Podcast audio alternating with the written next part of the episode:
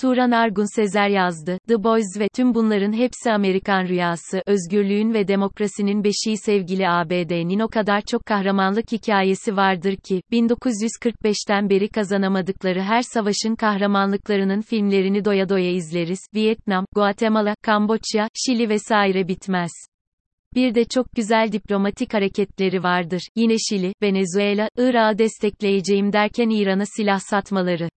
Kendi ülkelerinde kokain girişine karşı Bay ve Bayan Reagan konuşma yaparken aynı anda antikomünist uyuşturucu kartellerini DEA, Drug Enforcement Agency ile desteklemeleri, saysam bitmez.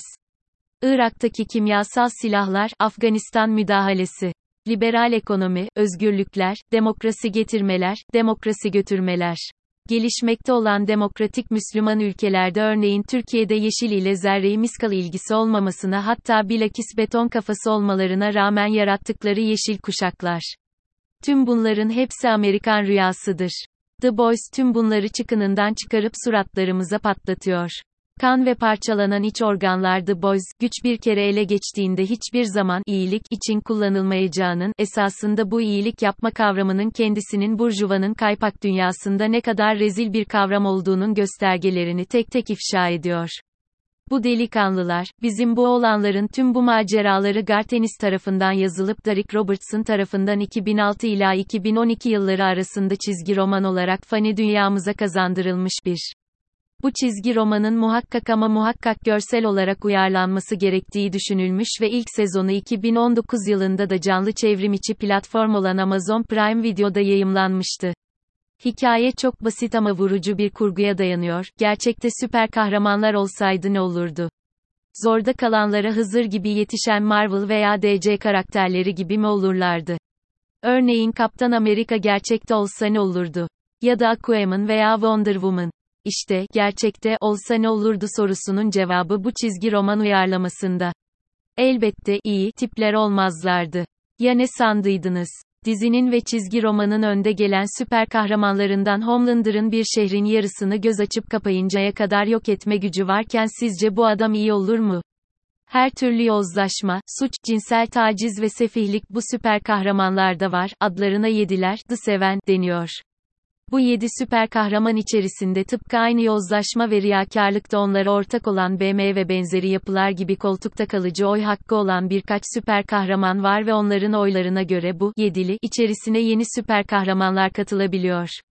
Elbette bir de şirket var, şirket olmazsa olmazdı. Bu süper kahramanların halktan sosyal medya reytingleriyle aldığı oy üzerinden şirket bu süper yiğitlere belirli oylar veriyor. Kiminin oyu düşerse bu 7 kişilik meclisten kovulabiliyorlar. Tabii tüm bunları ayarlayan neydi belirsiz bir şirket olan Vote. Bu Vote denilen şirketin bir savunma müteahhidi olduğunu öğreniyoruz ki şaşırtıcı değil. Tabii ki bu kadar süper kahramanın mantar gibi ürediği bir yerde, süper asker hezeyanı olmazsa olmaz, bu hezeyanı ve iştahı da Vought çok değerli ABD hükümetini oyalayıp süper asker serumu satarak paraları cukkalıyor, aynı Vought Orta Doğu'daki bir radikal teröriste de aynı süper serumu satıyor. Bu kadar tanıdık olur. Sanırım bu çizgi romanın ve dizinin en vurucu tarafı da bu. Hiç tahmin etmediğiniz bir anda başka bir gerçeği suratınıza vuruyor ve insanlar gerçekten bu kadar aşağılık olabilir mi diye sorduğunuz anda hayır canım niye olsunlar daha da aşağılık olabilirler diyerek muzır bir sırıtışla size sorunuzu misliyle iade ediyor. The Boys, güç bir kere ele geçtiğinde hiçbir zaman iyilik için kullanılmayacağının, esasında bu iyilik yapma kavramının kendisinin burjuvanın kaypak dünyasında ne kadar rezil bir kavram olduğunun göstergelerini tek tek ifşa ediyor. Hakikaten de izleyince ve okuyunca göreceksiniz, aşağılık, rezil ve şerefsiz olmanın binlerce acayip ve utanmaz yolu var ve insanları gerçekten anlamış olmak bile şaşırmanıza engel olmuyor. Yani yine de şaşırabiliyorsunuz çünkü hikayenin arka öyle güzel olmuş ki sizi bir an boşluğa getirip o boşluktan kroşeyi çakıyor. Neyse devam edelim. Bu, The Boys kim? Bir avuç dışlanmış ve toplumda kabul görmeyen karakterler. Birisi hariç. O da ezik bir beyaz yakalı çalışan Hüir karakteri. Nokta. İnanılmaz eğlenceli bir İskoç aksanı ile konuşarak etrafa küfürler saçan ve bizim bu yedili süperlerden tiksinen Billy Butcher, The Boys'un önde gelen elemanlarından birisi. Bir diğeri uyuşturucu geçmişine sahip bir kriminal ve Fransız olan ve Frençi lakaplı Sergey ve eski bir deniz piyade subayı olan Marvin. Ve en sonunda özel güçlere sahip ama dışlanmış ve konuşamayan Kimiko var. Sonradan bu ekibe bir süper daha katılıyor. O da 7 kişilik süper kahramanlar ekibine katılan ama sonra bunların rezilliğini öğrenip The Boys'a çalışan Starlight lakaplı bir süper olan Eni. Bunların hepsinin 7 süper ile bir mazisi ve kapanmamış defterleri var. Huey'nin sevgilisini 7'nin hız gücüne sahip A-Train lakaplı kahramanı içinden geçip öldürüyor. Parçalanan sevgilisinin tüm iç organları ve kanı Huey'nin üstüne sıçrıyor. Butcher'ın karısını Homelander denilen 7'nin önde gelen süper kahramanı kaçırıyor ve bir de ondan çocuk peydahlıyor. Marvin'in babası, Volt şirketine karşı yasal yollardan nafile çabalarla üstesinden gelmeye çalışan bir avukat ve öldürülüyor. Kimiko da Volt'un Asya'da açtığı savaşlardan birinde kardeşini kaybedip canını zor kurtaran bir kızcağız. Sergey de eski günahlarının bedelini Volt ve 7 ile savaşarak ödemeye çalışıyor. Süperler hakikaten leş gibi insanlar. Örneğin 7'ye kabul edildiğine sevinen naif bir kız olan Starlight, 7'nin, deniz ve su, kahramanı Deep ile tanıştığında Deep hemen pantolonunu indirip cinsel organıyla oynuyor ve ondan oral seks yapmasını istiyor. Deep, bu açık cinsel tacizine rağmen o kadar pişkin ki, ne var bunda, diyor. Üstüne de sahte bir özür ile olayı kapatmaya çalışıyor. Demeye gerek yok ki sözde süper kahramanlıklarını gösterip masum insanları kurtardıkları her olayın arkasında bir suç ve skandal var. Bu skandalların her birinin üstü, yapılan süper kahraman filmleriyle, süper kahraman gösteri geçişleriyle, sosyal medya dezenformasyonlarıyla başarıyla kapatılıyor. Bu hikayede en skandal ve korkunç karakterlerden birisi Homeland'ır. Anthony Starr'ın başarıyla canlandırdığı ve Yedi'nin başka bir karakteri olan Homelander karakterinin insanda uyardığı nefret ve tiksintiyi Game of Thrones'da Joffrey karakteri üzerinden değerlendirirsem 10 üzerinden 150 Joffrey diyebilirim. Bir karakterin bu kadar pişkin, korkunç bir nefret ile dolu, narsist ve egomanyak olması, gerçek olamayacak kadar imkansız geliyor. Ancak işin aslı şu ki gerçek, Homelander'ı yaratanların başardığı müthiş işin temelinde de bu yatıyor. Böyle bir süper kahraman hiçbir zaman yok ama böyle insanlar var. The Boys'un önde gelen karakterlerinden Homelander karakterinin insanda uyardığı nefret ve tiksintiyi Game of Thrones'da Joffrey karakteri üzerinden değerlendirirsem 10 üzerinden 150 Joffrey diyebilirim. Homelander, pek çok açıdan sadece Amerikan toplumu değil genel olarak toplumlarımızın bir resmi. Utanmazlığın ve pişkinliğin mükemmel bir tablosu. Bir insan birinin yüzüne baka baka nasıl gülücükler saçıp aynı anda o bakış içerisinde korkunç bir nefreti kusabilir. Kendisinden aşağı gördüğü herkesi ezerek ve taciz ederek bir başarı figürüne dönüşebilir. Hiçbir karşılığı olmaksızın karşısındaki herkesten, köleliğe yakın bir tutkuyla bağlanmasını isteyip aynı zamanda nefretini kusacak kadar özgür olmak isteyen bir tiran olabilir. İşte 7 süper kahramanın başındaki Homelander karakterinin psikolojik profili böyle. Homelander'ın adını çevirenler onu, yurtsever, olarak çevirmiş, tam olarak karşılamasa da mükemmel uyuyor. Homelander, fiziksel güç açısından Superman'in tam bir karşılığı. Sosyolojik bir temsil olarak ise Kaptan Amerika'nın amuda kalkmış hali. The Boys, çizgi roman karakterlerinin felsefi olarak nasıl görülmesi gerektiğinin mükemmel bir özeti. Hegel'in dediği gibi felsefe diyalektiğin altüst edilmesi ise işte karşınızda The Boys'un diyalektiği, Homelander karakteri fiziksel açıdan bir Superman ama psikolojik ve ideolojik anlamda gerçek bir Kaptan Amerika. Dolayısıyla The Boys dizisinin imgelerinin bize sordurduğu soru sadece çizgi roman karakterleri gerçekte olsa ne olurdu sorusu değil, Kaptan Amerika gerçekte olsa ne olurdu, sorusu. Ve bu sorunun cevabı belli. Kaptan Amerika, ABD'nin temsil ettiği tüm değerlerle birlikte gerçekte olsa işte bu kadar sefih bir karakter olabilirdi.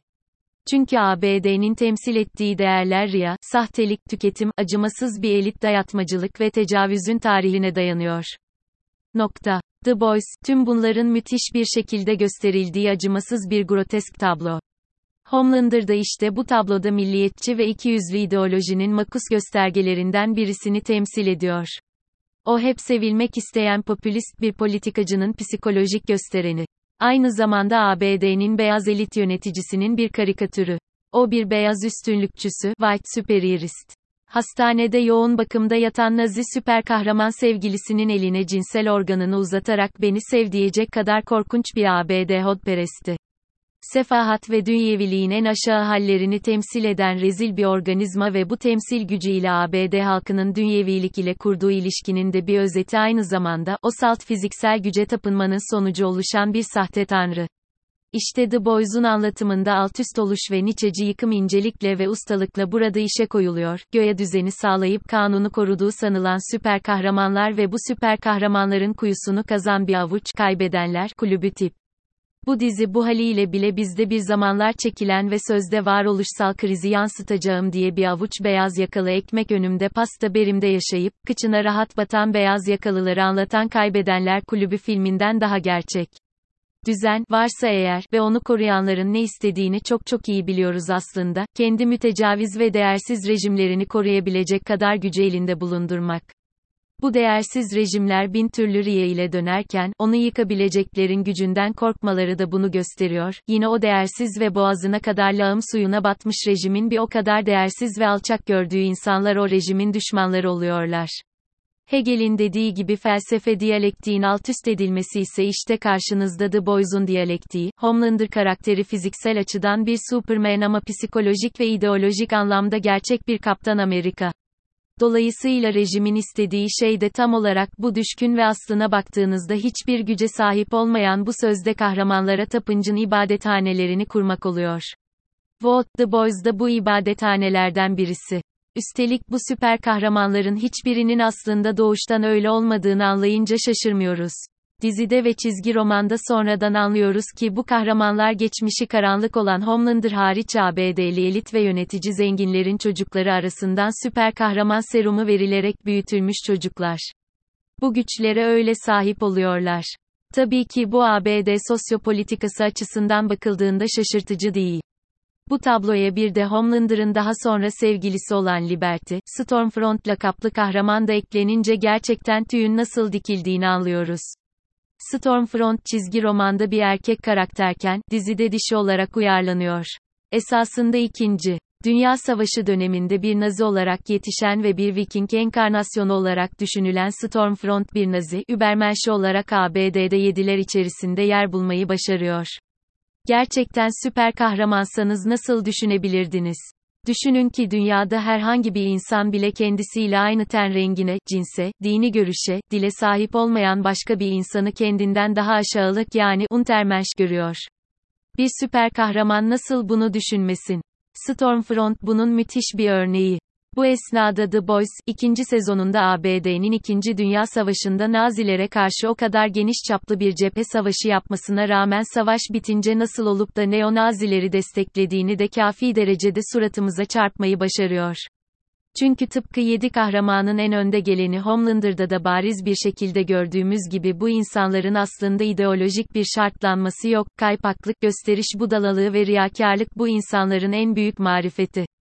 Homelander ve onun temsil ettiği değerlerin hepsi alttan alta Trump'ı ve bu zaviye ve vesileyle de Trump ile birlikte dünyanın pek çok coğrafyasında iyice ayyuka çıkan neoliberal otoriter popülist rejimleri işaret ediyor. Bunlar aynı zamanda neoliberaller.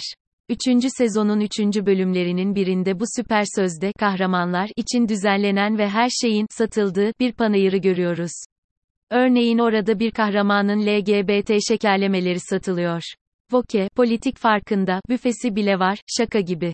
Şaka değil, gerçek. Her şey çok aşikar bir şekilde satılabiliyor. The Boys hiç olmadığı kadar gerçek.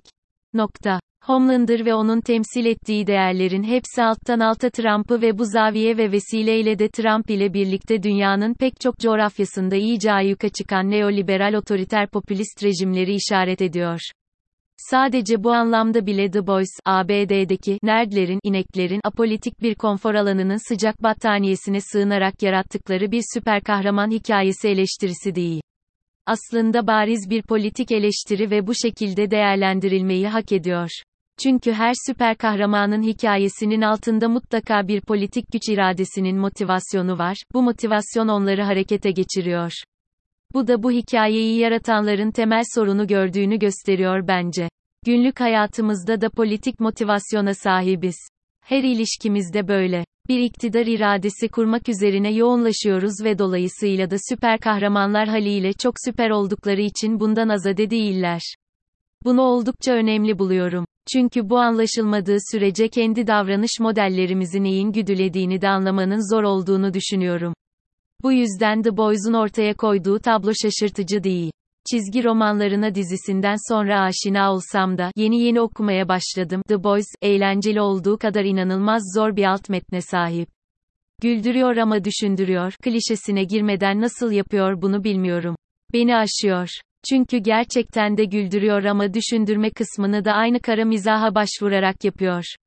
DC'nin Watchmen'inden sonra sıradan çizgi roman troplarına ve figürlerine sığınmadan, vurucu ve güzel bir hikayeye sahip gördüğüm en iyi çizgi romanlardan birisi The Boys.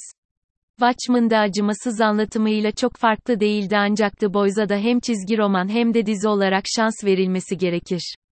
The Boys bana Rage Against the Machine'in Know Your Enemy şarkısındaki sözleri hatırlatıyor. Taviz, konformizm, asimilasyon, itaat, riyakarlık, acımasızlık, elit, tüm bunların hepsi Amerikan rüyası.